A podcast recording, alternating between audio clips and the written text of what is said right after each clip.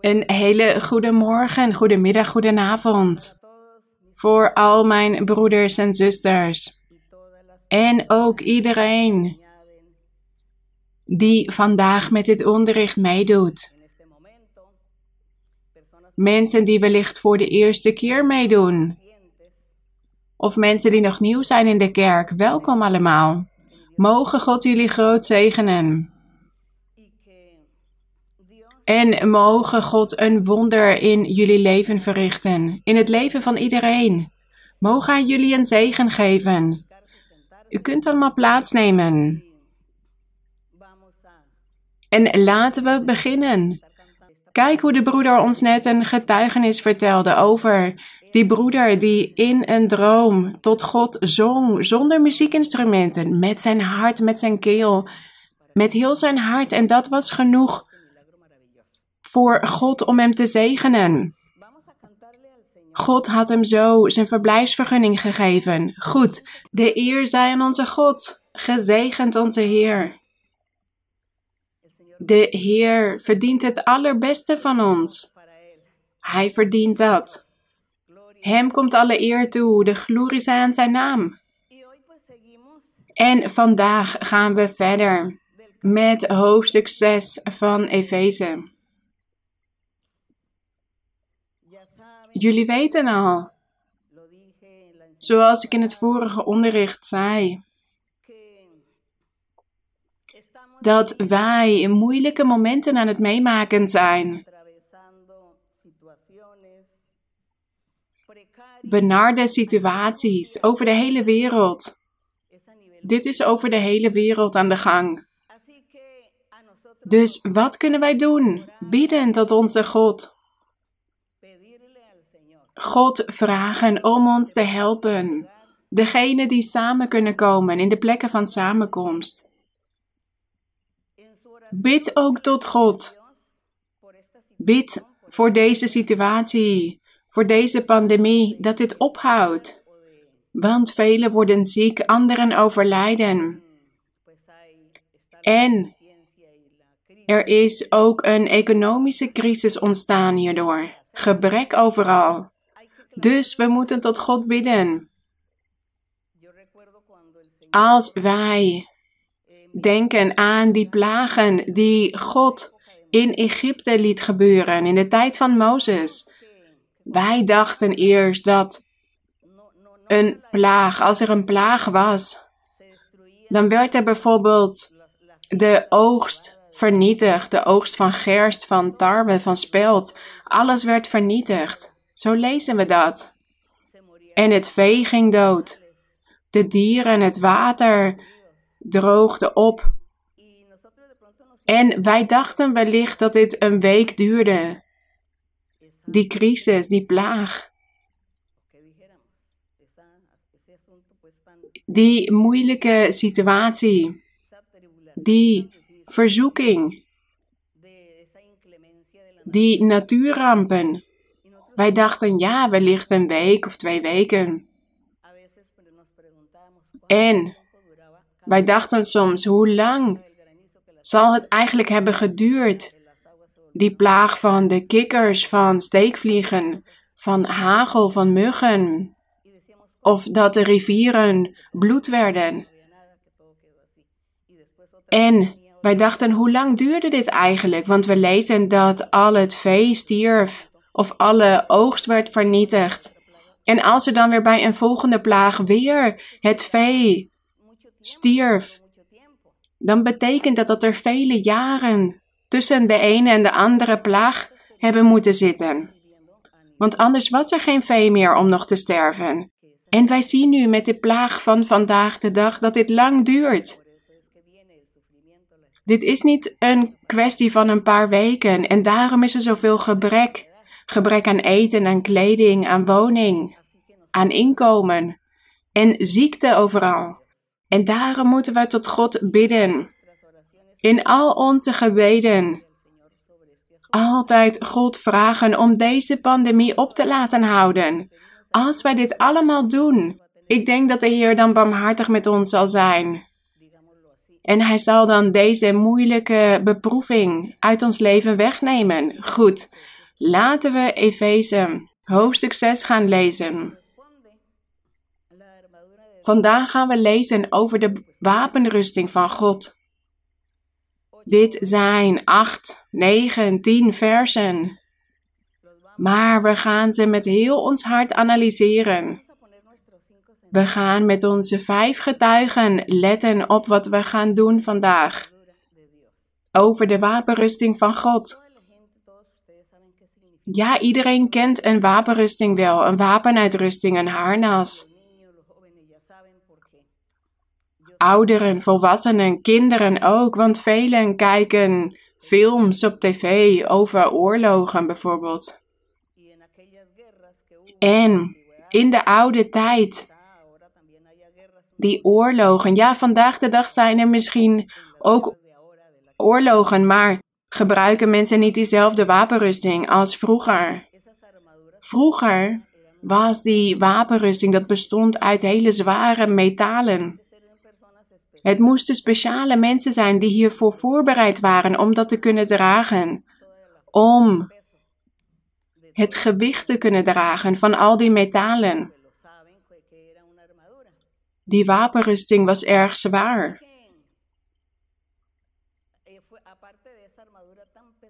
En ze moesten. Dus er waren de speciale mensen die waren hiervoor voorbereid om zo'n zware wapenrusting te kunnen dragen. Dit waren grote, sterke mensen, helden, heldhaftige strijders. En die moesten ook zo op een paard kunnen rijden. En die arme paarden moesten ook al dat gewicht kunnen dragen. En zo gingen zij dan een oorlog in om tegen de vijand te vechten. En wij herinneren ons bijvoorbeeld de strijd van David tegen Goliath uit de Bijbel. We lezen dat Goliath een reus was, een gigant van bijna drie meter lang. Hij was bijna drie meter lang. En dat is wonderbaarlijk. Wij kunnen dat ons vandaag de dag niet eens meer voorstellen. Een man van drie meter lang. En die had zo'n zware wapenrusting aan. En als wij de boeken van de koningen lezen, het is mooi als we dat doen. Dan lezen wij over die legers in die tijd.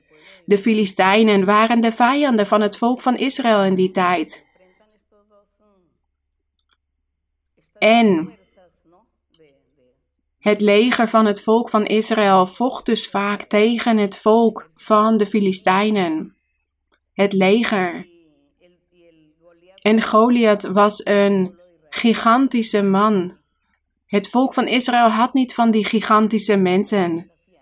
En Goliath begon het leger van Israël uit te dagen. Hij zei: Wie gaat er tegen mij vechten? Want hij voelde zich zo krachtig omdat hij zo groot was en zo'n zwaar wapenrusting aan had. En ja, hij zou natuurlijk iedereen kunnen verslaan. En David, koning David, voordat hij koning werd, was hij nog een jonge man. Maar hij zei: Dit is een belediging. Een vernedering voor het volk van God. Ik ga tegen deze strijder vechten. En Goliath die lachte David uit. Want die zei: Ja, hoe kan deze kleine jonge man nou zonder wapenrusting tegen mij gaan vechten? Hij voelde zich beledigd hierdoor, vernederd, en hij was hierdoor nog kwader geworden. Maar David zei tegen hem: Ik vecht tegen jou in de naam van God. En we lezen hoe hij met zijn slinger een steen naar hem gooit. En in die tijd dat de wapenrusting, de helm, had een gat hier in het voorhoofd, zodat ja, de soldaat kon ademhalen. En precies kwam die steen die David naar hem gooide daar terecht en zo stierf Goliath. Maar dit was omdat hij een vijand van God was en David vocht met de bijstand van God. En die wapenrusting hadden dus alleen die gigantische mensen, die grote mensen aan, die sterk waren. De dapperen, de heldhaftige strijders. En toen David streed tegen Goliath, was hij nog maar een jonge man. Maar God stond hem bij.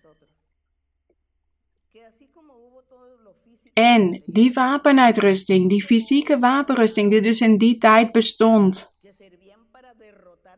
die gaven veel sterkte aan degene die het aanhad. Alleen heldhaftige strijders konden dat aantrekken.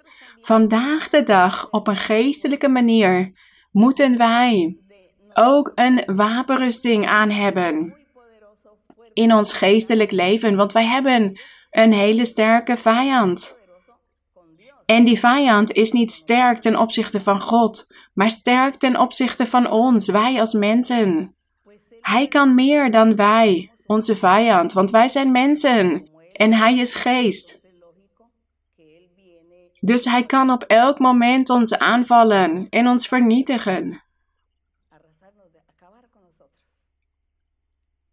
Want hij is sterker dan dat wij zijn. En daarom onderwijst God ons dat wij vandaag de dag in het evangelie van Christus, dat wij, net als in die tijd, in de oude tijd, moesten zij die wapenrusting aan hebben. Wij vandaag de dag ook. Want wij moeten onze vijand trotseren. En degene die dus die wapenrusting aanhadden in die tijd waren dappere mensen en heldhaftige strijders. En dat moeten wij vandaag de dag zijn. De Heer Jezus Christus zei het toen hij op de aarde was. Het koninkrijk der hemelen is geweld, kracht, vuur, macht.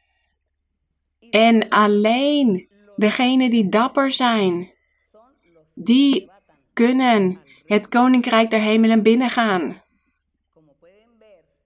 En zo zien wij dat wij vandaag de dag ook die wapenrusting aan moeten hebben. En God nodigt ons allemaal uit om dapper te zijn, sterk. Waarom?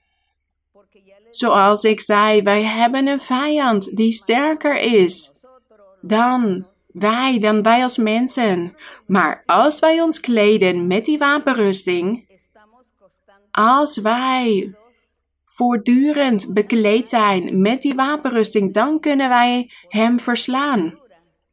Want de wapenrusting die God ons geeft, die God ons heeft gegeven, het zijn geen fysieke, materiële dingen die zwaar zijn op ons lichaam. Nee, ze zijn juist licht want het is de geest van God met zijn prachtige geestelijke gaven, zijn bijstand, zijn roeping. Dat is wat met ons is. En dat is wat die wapenrusting is. Gezegend zij onze God. Dat is onze wapenrusting. Het is dus heel eenvoudig om die wapenrusting te dragen. Het is niet zwaar. Het is niet zwaar. Sommigen zeggen, ja, het is zo moeilijk om de weg van de Heer te volgen. Het is zo moeilijk om in de kerk te blijven, om in het evangelie te blijven leven. Dat zeggen ze, maar ze hebben niet goed geanalyseerd en ze hebben er niet goed over nagedacht. Hebben ze hun hart wel overgegeven aan God? Want wij weten, ja, als mens alleen kunnen wij het niet, maar God zal ons helpen als wij bereidwillig zijn. En God zal dan zeggen: Omdat je hart bereidwillig is voor mij, zal ik je helpen en zal ik je bekleden met de wapenrusting. Zodat je kan strijden tegen de vijand en zodat je kan overwinnen en zodat je het eeuwig leven kan ontvangen. Dat is voor de dapperen. Dat zei de Heer, de glorie zij aan Hem. De heldhaftige strijders. En in de oude tijd waren dit dus gigantische, sterke mensen op een fysieke manier. Dat waren die dapperen in die tijd. Maar de Heer zei: Ik heb ook dapperen, heldhaftige strijders. Maar dat zijn wij allemaal. Als wij dat willen. Het zijn niet alleen maar de allersterkste mensen op een fysieke manier. Met de kracht van God kunnen wij allemaal sterk zijn. De kracht van God maakt dappere soldaten van ons. En dan kunnen wij de wapenrusting dragen. Want wij kunnen moeilijkheden weerstaan. Elke dag van ons leven hebben wij wellicht problemen, ziekte, ongelukken. Of we verliezen een kind of we verliezen een ouder, een dierbare. Of ons bedrijf gaat failliet. Of we hebben geen werk meer. Of we zijn verdrietig als we ziek worden. Of we hebben wellicht een beperking en kunnen niet alles meer doen. Ja, er kunnen zoveel dingen gebeuren in ons leven. De vijand valt ons aan. Maar daarvoor hebben wij de wapenrusting nodig. Dus zien jullie wel hoe belangrijk is het om de wapenrusting van God te hebben? En in een aantal versen in de Bijbel kunnen we lezen dat God wil dat wij ons bekleden. En voordat we dus in Efeze 6 gaan lezen, gaan we eerst een paar versen lezen over dat wij ons moeten bekleden. Bijvoorbeeld in Jesaja 52. Laten we even naar Jesaja hoofdstuk 52 gaan. Straks gaan we naar Efeze 6. Jesaja 52, vers 1. Jesaja 52, vers 1. Hier belooft God dat hij Sion zou zegenen, zijn kerk, zijn samenkomst, zijn volk, het geestelijk Israël, zijn toekomstige volk. Dat is dit Sion. En daarom staat hier in vers 1: God zei bij monden van zijn profeet Jesaja: Ontwaak, ontwaak, bekleed u. Bekleed u met uw kracht, Sion. Bekleed u met uw kracht. Trek uw mooiste kleren aan, Jeruzalem, heilige stad. Want voortaan zal in u geen onbesnedene of onreine meer komen. Dus er zal geen zonde meer in u zijn. Geen enkel zondig persoon zal bij uw volk horen, bij het volk van Jeruzalem. Want God zal al die vlekken wegnemen en een heilig volk vormen. Dat kunnen wij bereiken in dit leven op aarde. Dus hier zei de Heer: bekleed u met uw kracht. In de oude tijd voelde degene die zo'n wapenrusting aan had, zo'n zware wapenrusting, die voelde zich krachtig. Vanwege dat gewicht dat hij om zich heen voelde. En hij voelde zich krachtig hierdoor. Hij dacht, ja, ik ga mijn vijand vernietigen, ik ga hem verslaan. Ik ben krachtig met deze wapenrusting, met deze kleding. Bekleed u met kracht. En laten we naar het Nieuwe Testament gaan, Romeinen hoofdstuk 13. Romeinen 13. We hebben het over die gewaden waarvan God wil dat wij ons daarmee kleden.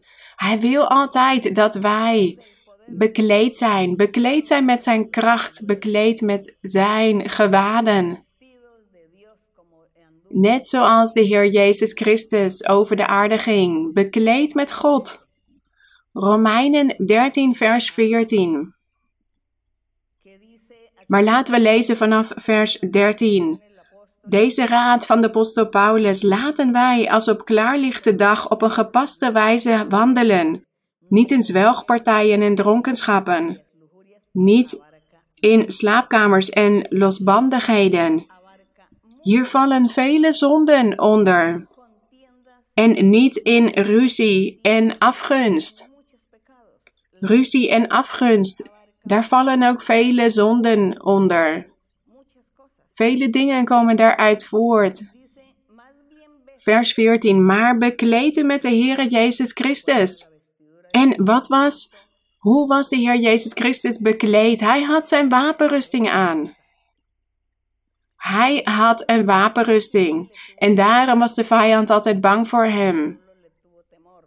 De duivel had altijd ontzag voor de Heer, want hij zag hem altijd rondlopen met zijn wapenrusting op een geestelijke manier en zijn blinkende kleden. En daarom moest de vijand zich altijd vernederen voor hem en aan zijn voeten neerknielen. Want de duivel heeft hem nooit kunnen overwinnen. En hier staat dus in vers 14: Maar bekleed u, u gelovigen, met de Heere Jezus Christus. En verzorg het vlees niet om begeerten op te wekken, om te zondigen. Zodat de begeerten van het vlees u niet laten zondigen en in wanorde laten leven, in kwaadheid, wraak, hebzucht, bedrog, leugens. Zodat dit allemaal niet in uw leven gebeurt, moet u bekleed zijn. Net als de Heere Jezus Christus met de wapenrusting van God. En laten we naar Colossense gaan. Iets verderop. Na Efeze. Daarna iets verderop komt Colossense hoofdstuk 3. Hier staat in vers 12.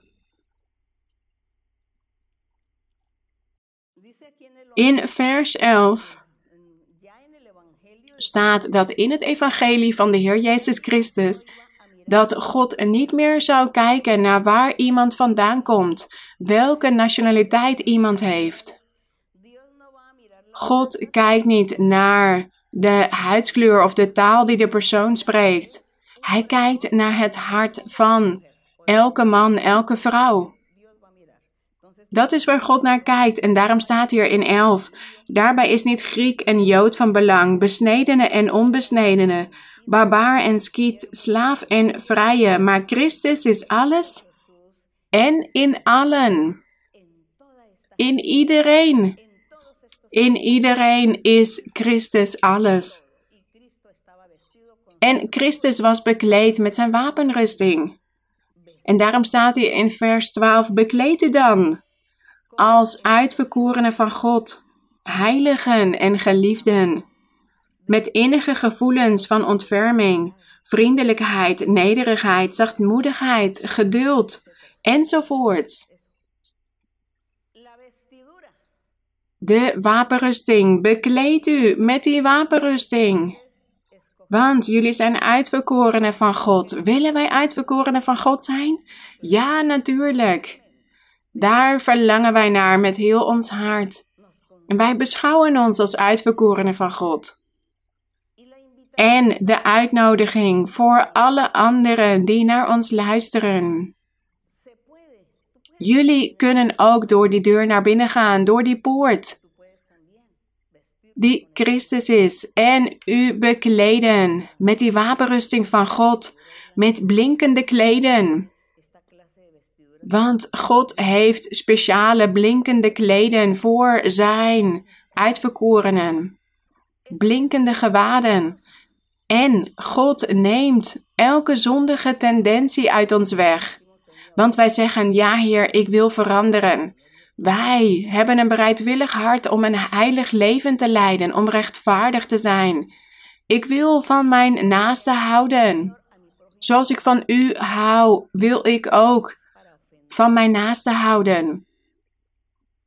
Als wij zo denken, dan zal God ons helpen.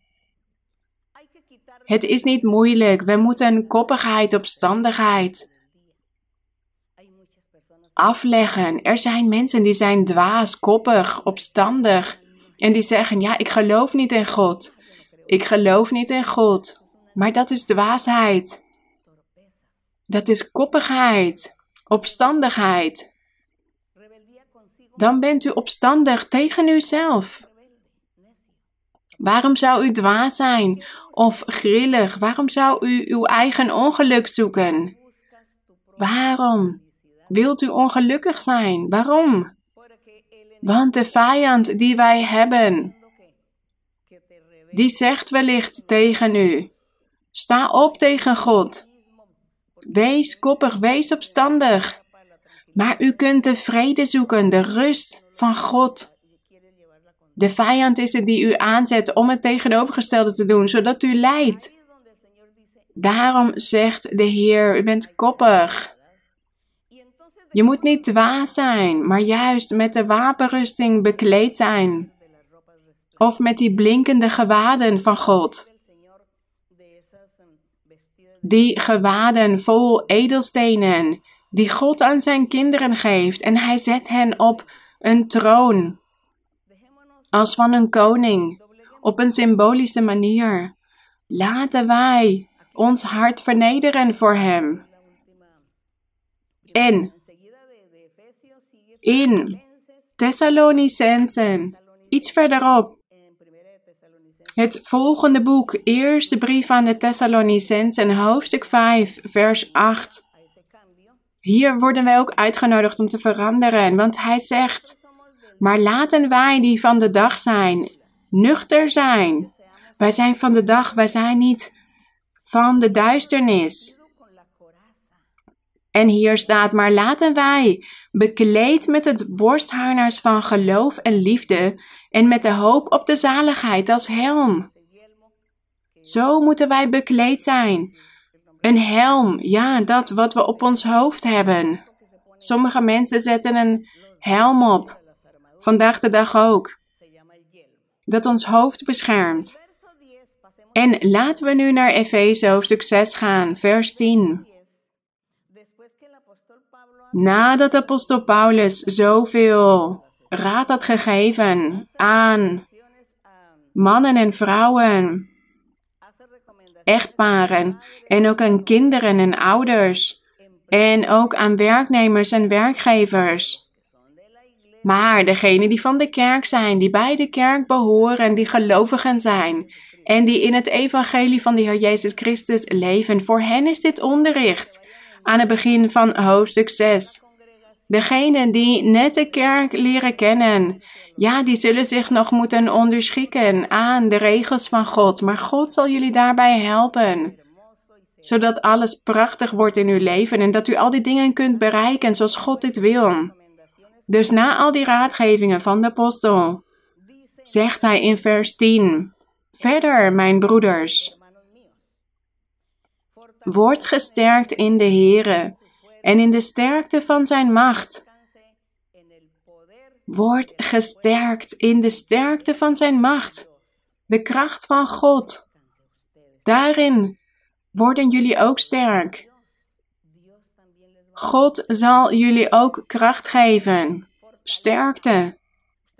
Dan zullen jullie standvastig zijn, dapper.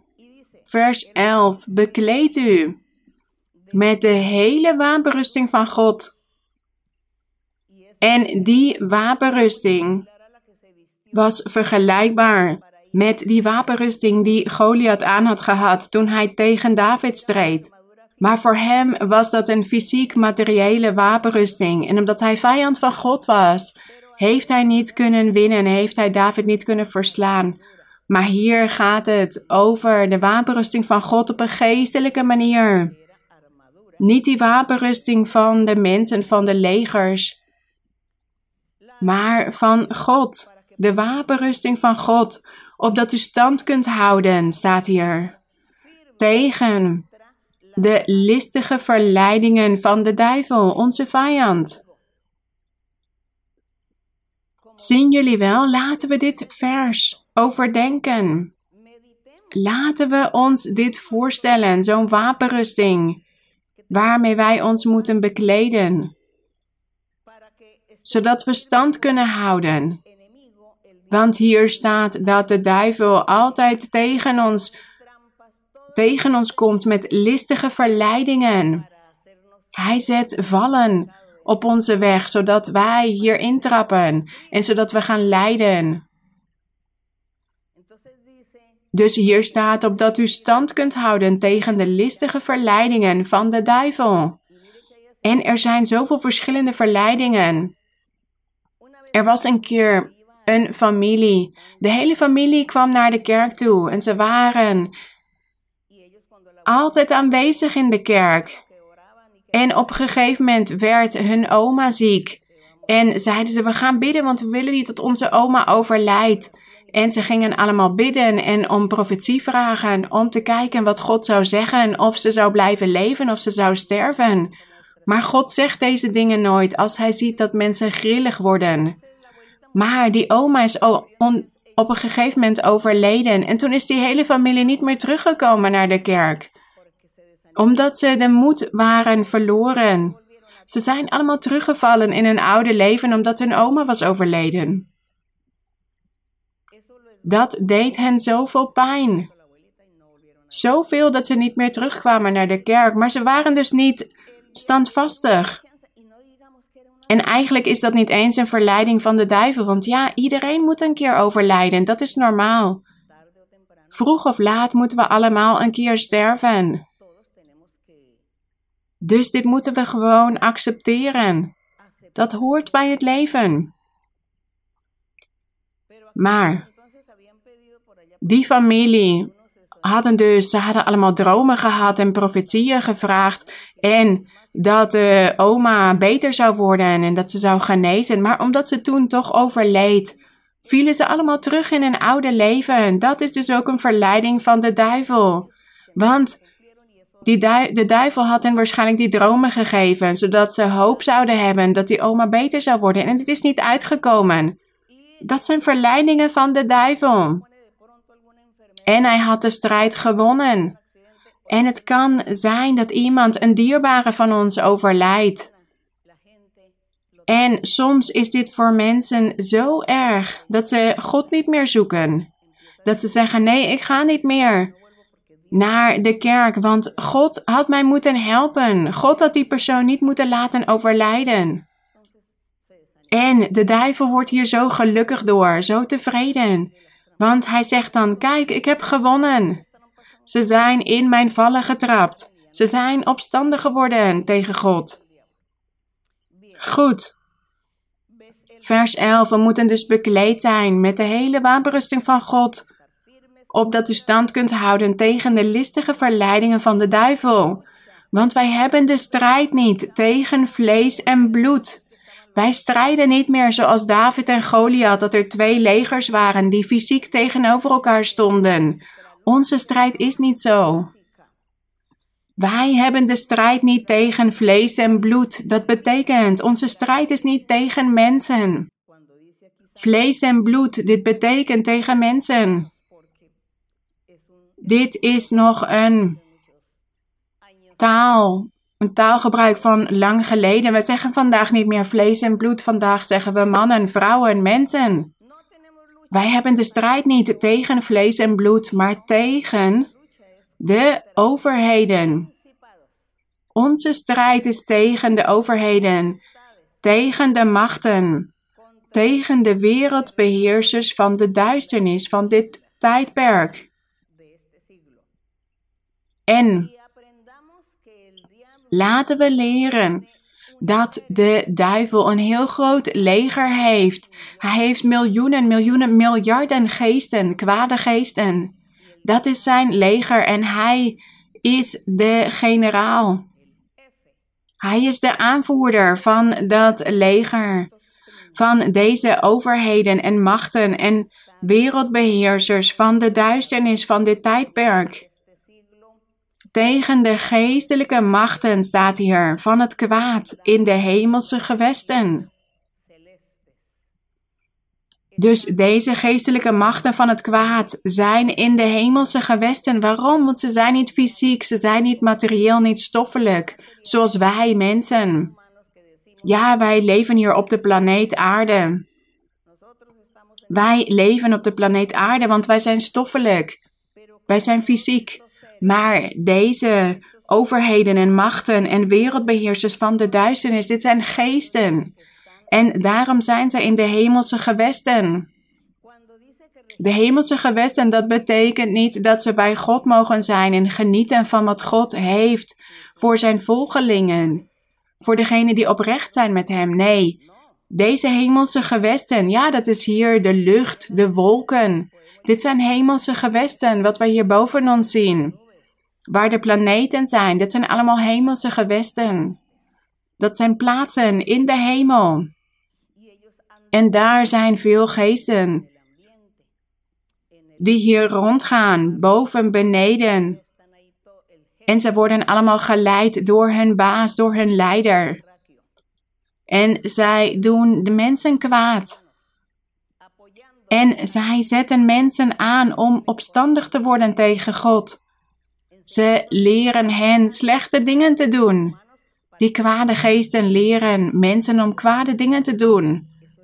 Om God te mishagen.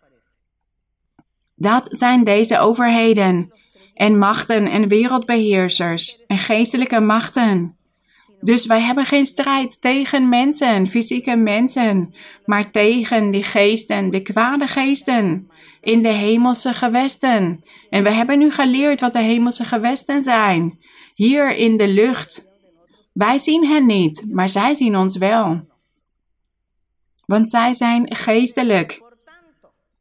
En al die vijanden dus, al dat gevaar dat om ons heen is als gelovigen, Vers 13. Daarom staat hier: Neem daarom de hele wapenrusting van God aan, opdat u weerstand kunt bieden op de dag van het kwaad. Laten we allemaal vers 13 lezen.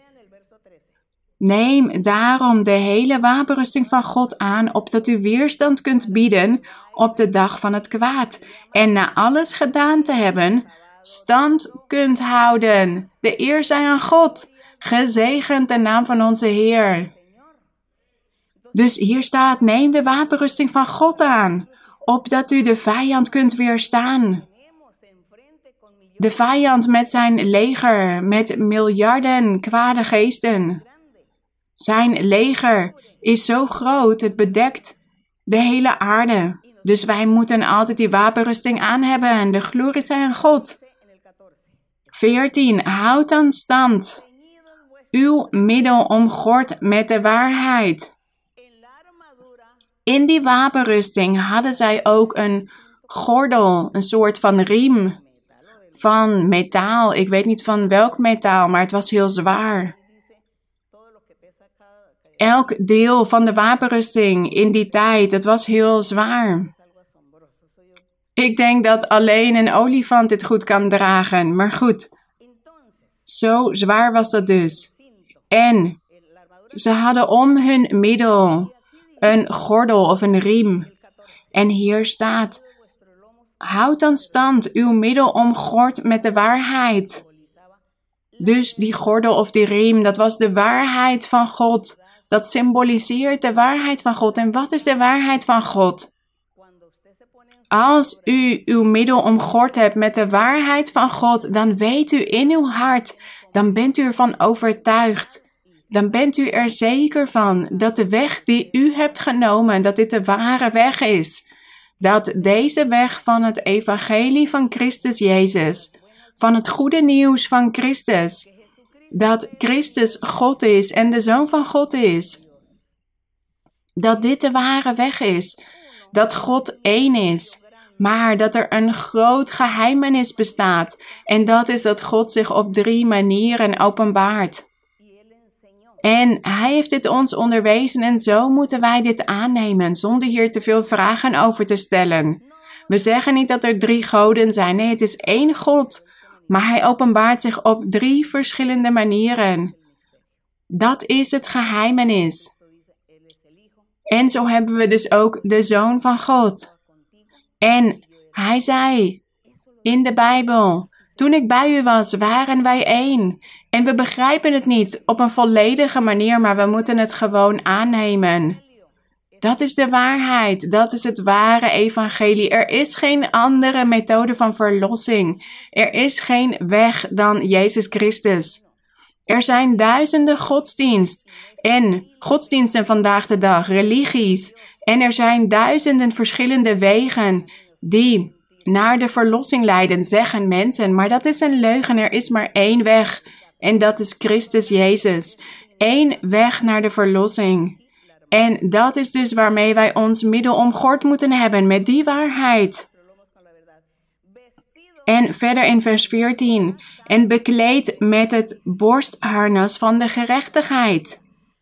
Het borstharnas. Wat was dat? Iets wat hier op de borst werd geplaatst.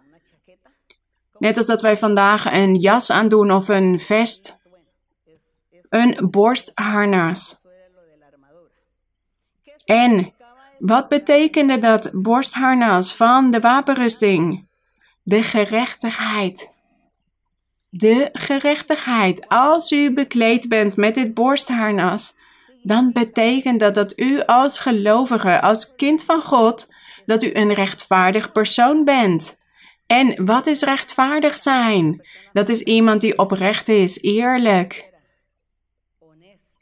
eerbaar, evenwichtig.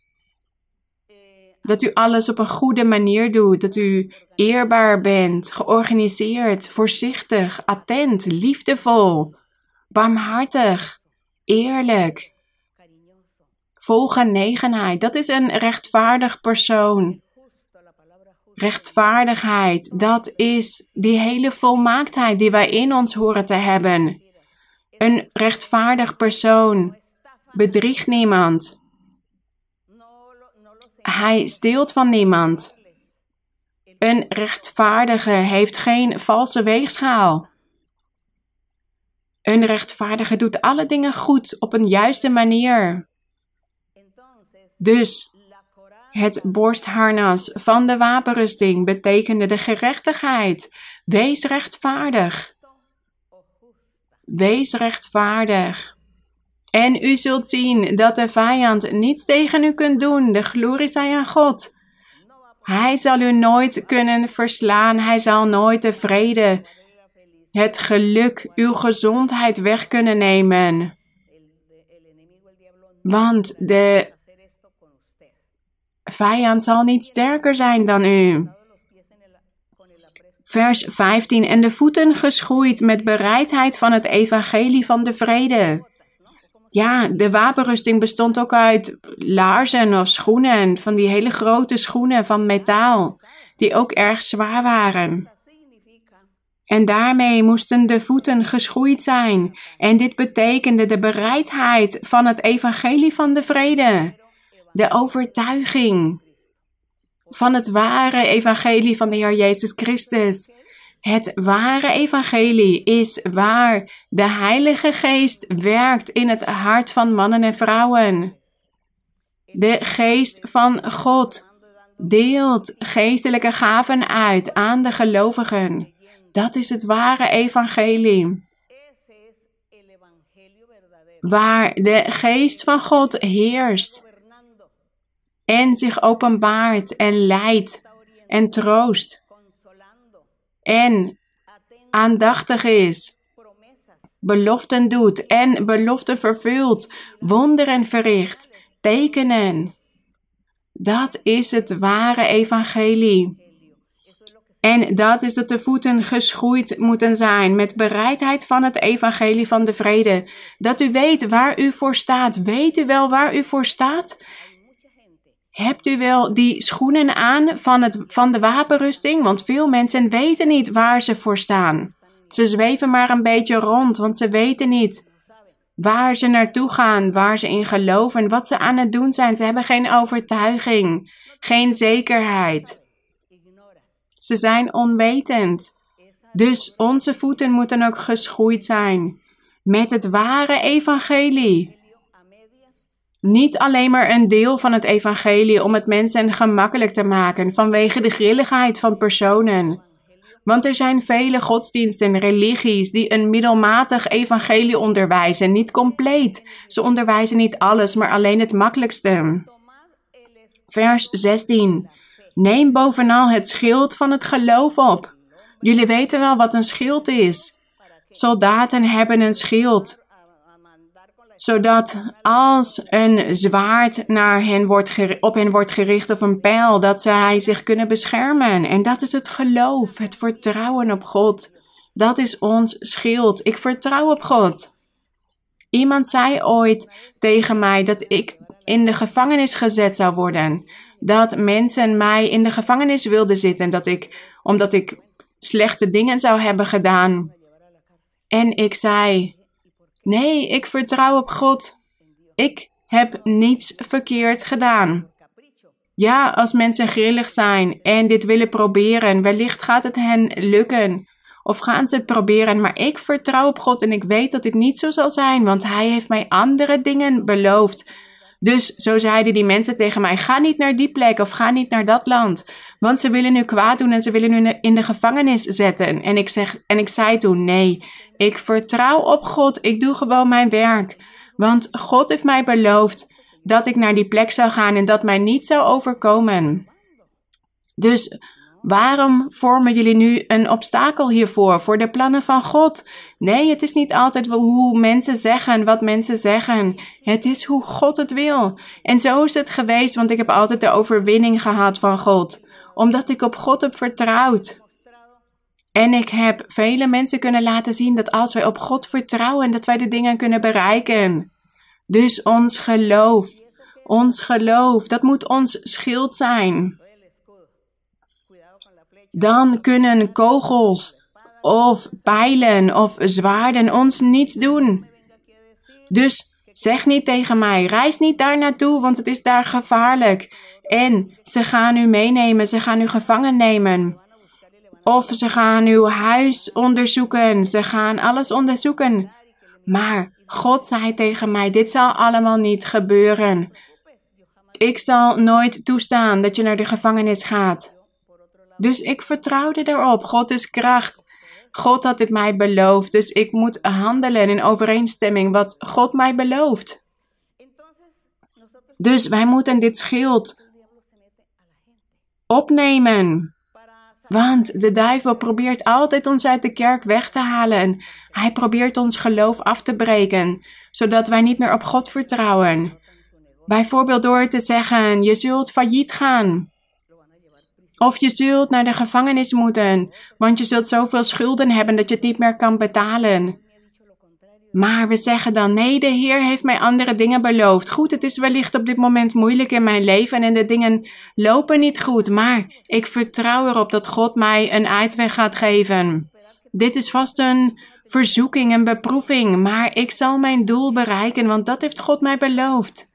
En zo is het, dat is dat geloof. Dat vertrouwen op God, dat is dus het schild dat wij moeten opnemen. Vers 16. Neem bovenal het schild van het geloof op, waarmee u alle vurige pijlen van de boze zult kunnen uitblussen. Want ja, de vijand stuurt pijlen op ons af, vol gif, vurige pijlen. Dit zijn allemaal verschillende situaties die in ons leven kunnen gebeuren. De duivel gebruikt situaties, mensen, andere mensen om ons heen om ons aan te vallen. Hij valt iedereen aan in overeenstemming met zijn zwakheid. Waarom? Zodat die persoon de moed kwijtraakt, ontmoedigd raakt en terugvalt in zijn oude leven. Want God belooft: Ik zal je voorspoed geven, ik zal je helpen, ik zal je de overwinning geven. En wat doet de duivel dan? die doet dan het tegenovergestelde in ons leven. En die staat dan, die zorgt er dan voor dat wij worden bestolen of dat ons iets slechts overkomt. Zodat mensen dan zeggen: Kijk, God heeft mij goede dingen beloofd, maar kijk wat mij overkomt. Ik ga God niet meer volgen.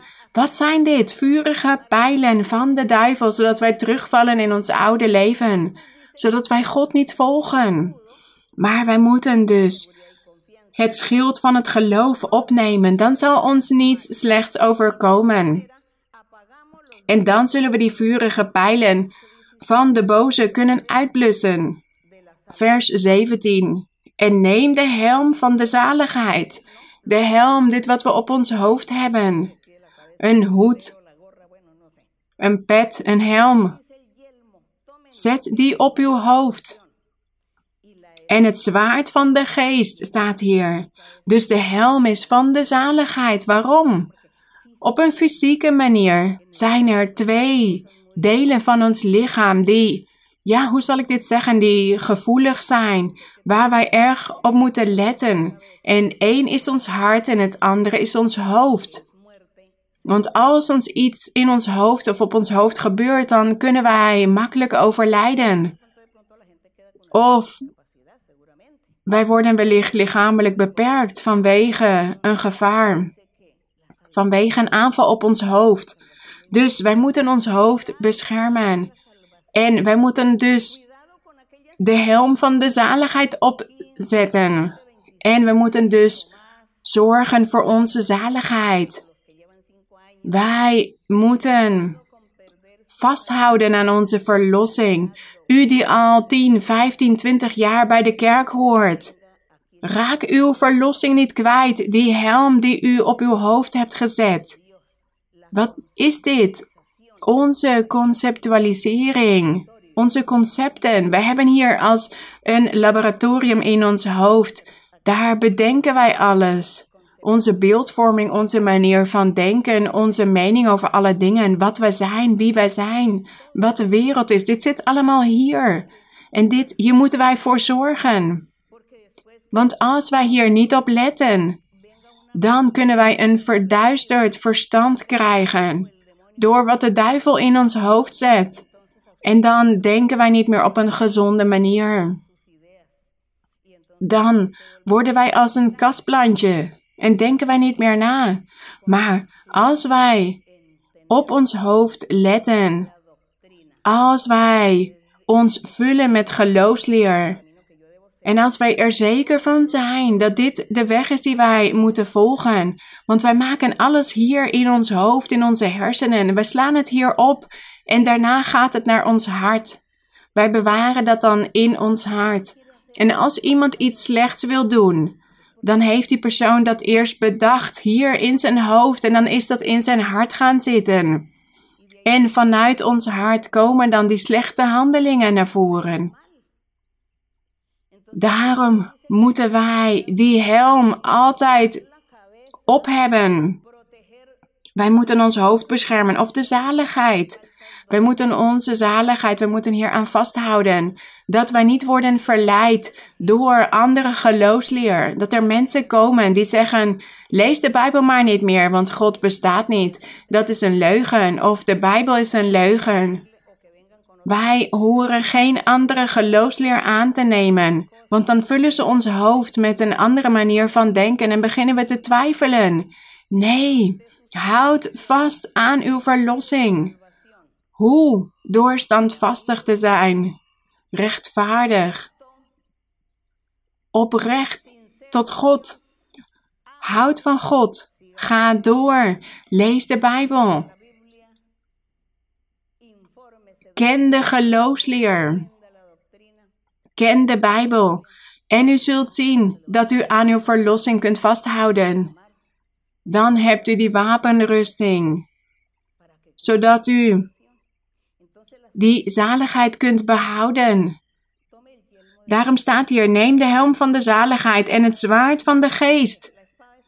Waar is een zwaard voor? Een zwaard is om te kunnen vechten, om te kunnen strijden. En dat tweezijdig zwaard, dat is het woord van God. Dat is de Bijbel, het geschreven woord, maar wij hebben ook het gesproken woord van God. Wanneer God tot ons spreekt door profetieën, openbaringen, visioenen, door dromen. God spreekt ook tot ons. Hij heeft ook een gesproken woord en dat is ook een zwaard voor ons als wij onze dromen analyseren, onze profetieën. Wat God mij heeft beloofd, dat analyseer ik en dat wordt een zwaard voor mij. En ik Overdenk dit allemaal. Tezamen met, de, met, de, met het geschreven woord van God, met de schriften van God. de Bijbel. En als de duivel dan tegen mij opkomt en mij valse geloofsleer wil onderwijzen, dan heb ik dat zwaard vast. Dan sta ik klaar met een zwaard om hier tegen te strijden. Dat is de geloofsleer kennen. Want mensen willen ons vele verkeerde dingen onderwijzen, omdat de duivel hen hiertoe aanzet. En wellicht kunnen dit ook gelovigen zijn in de kerk die ons dan verkeerde dingen willen onderwijzen. Dus wij moeten waken. Wij moeten een goed leven leiden voor God, zodat Hij ons helpt, zodat Hij ons beschermt tegen deze, dit bedrog. En we moeten vertrouwen op de dromen en op visioenen en profetieën. We moeten dit overdenken. Vertrouwen wat op de Bijbel, op wat de Bijbel ons onderwijst. En dat is ons zwaard om tegen de vijand te strijden. Dat is het. En hier staat dus in vers 17 dat het zwaard van de geest het woord van God is. De geloofsleer en het gesproken woord van God. Vers 18. Terwijl u bij elke gelegenheid met alle gebed en smeking bidt in de geest. We moeten altijd bidden. En hier staat, en daarin waakzaam bent met alle volharding en smeking voor alle heiligen. We moeten volharden in gebed. En herinner jullie dat de heiligen, dat we dit allemaal zijn, want we zijn afgezonderd voor God.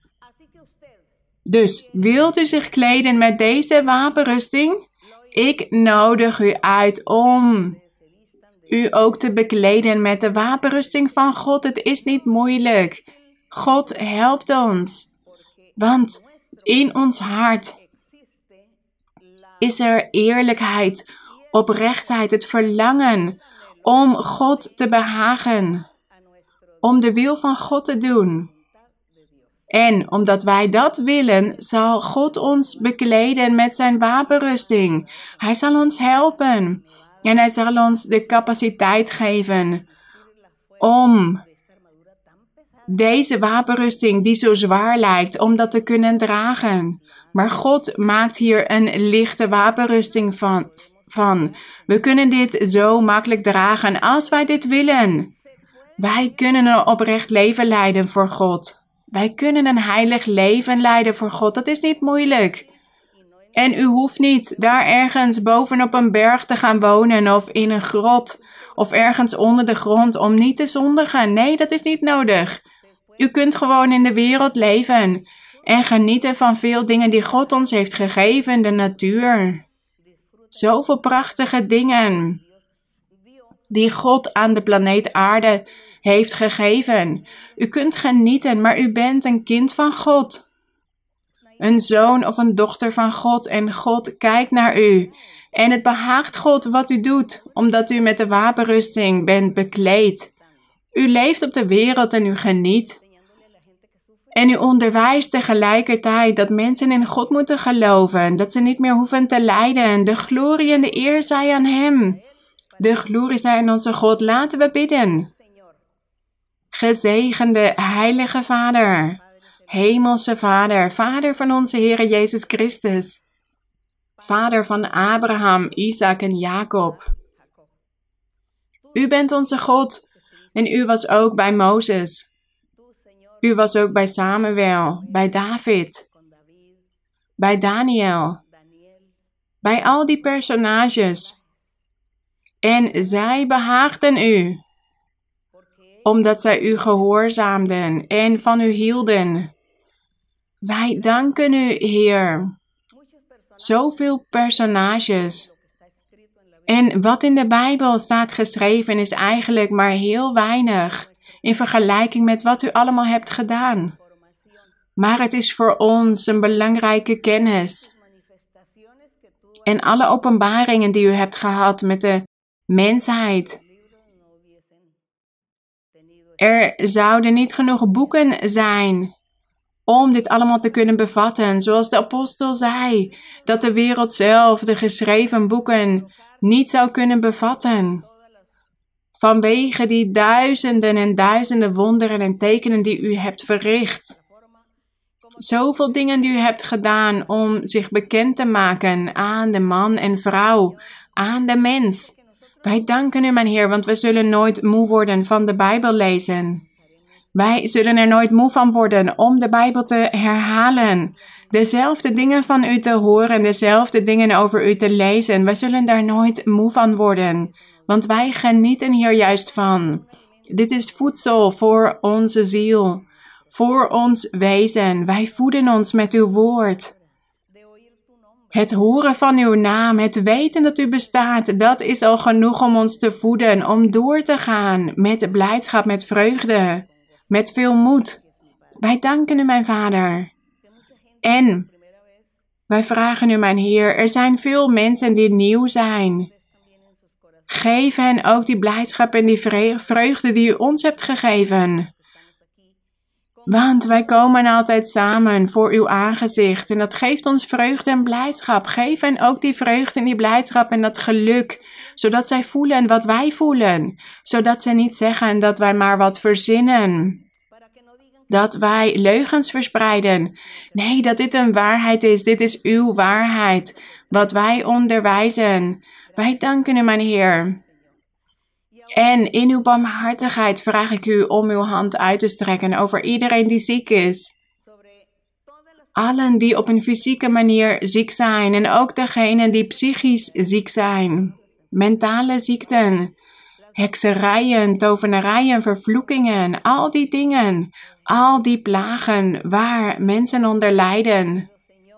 En degenen die in een rolstoel zitten, die beperkingen hebben, Degenen die niet kunnen spreken of denken of zelf kunnen beredeneren. Degenen die niet kunnen praten, die niets meer kunnen doen. Wees barmhartig, mijn Heer. Wees barmhartig. Ontfermt u zich over hen. Richt hen op, mijn Heer. Handel met uw grote liefde. Heilige Vader, stuur uw kracht en uw wonderen, uw genezing. Wij danken u voor al uw wonderen. Wij danken u in de naam van de Heer Jezus Christus, uw geliefde Zoon. De glorie en de eer zij aan u tot in alle eeuwigheid. Amen. De glorie zij aan de Heer. De glorie zij aan onze God. Koor 73. Ik voel zijn vreugde en vrede heel diep in mijn hart.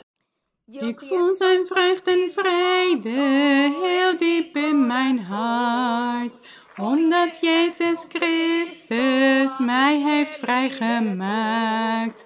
Ik voel zijn vreugde en vrede heel diep in mijn hart. Omdat Jezus Christus mij heeft vrijgemaakt. Ik ben nu vrij, ik ben nu vrij. Van alle ketens ben ik nu vrij. Ik ben nu vrij. Ik ben nu vrij. Van alle ketens ben ik nu vrij. De eer zij aan mijn Heer en dit is de waarheid. Hij heeft ons al vrijgemaakt en hij wil u nu ook vrijmaken. Dank jullie wel allemaal. Vele groeten voor de kinderen en vele omhelzingen voor jullie allemaal. Ik hou van jullie met heel mijn hart. Tot binnenkort.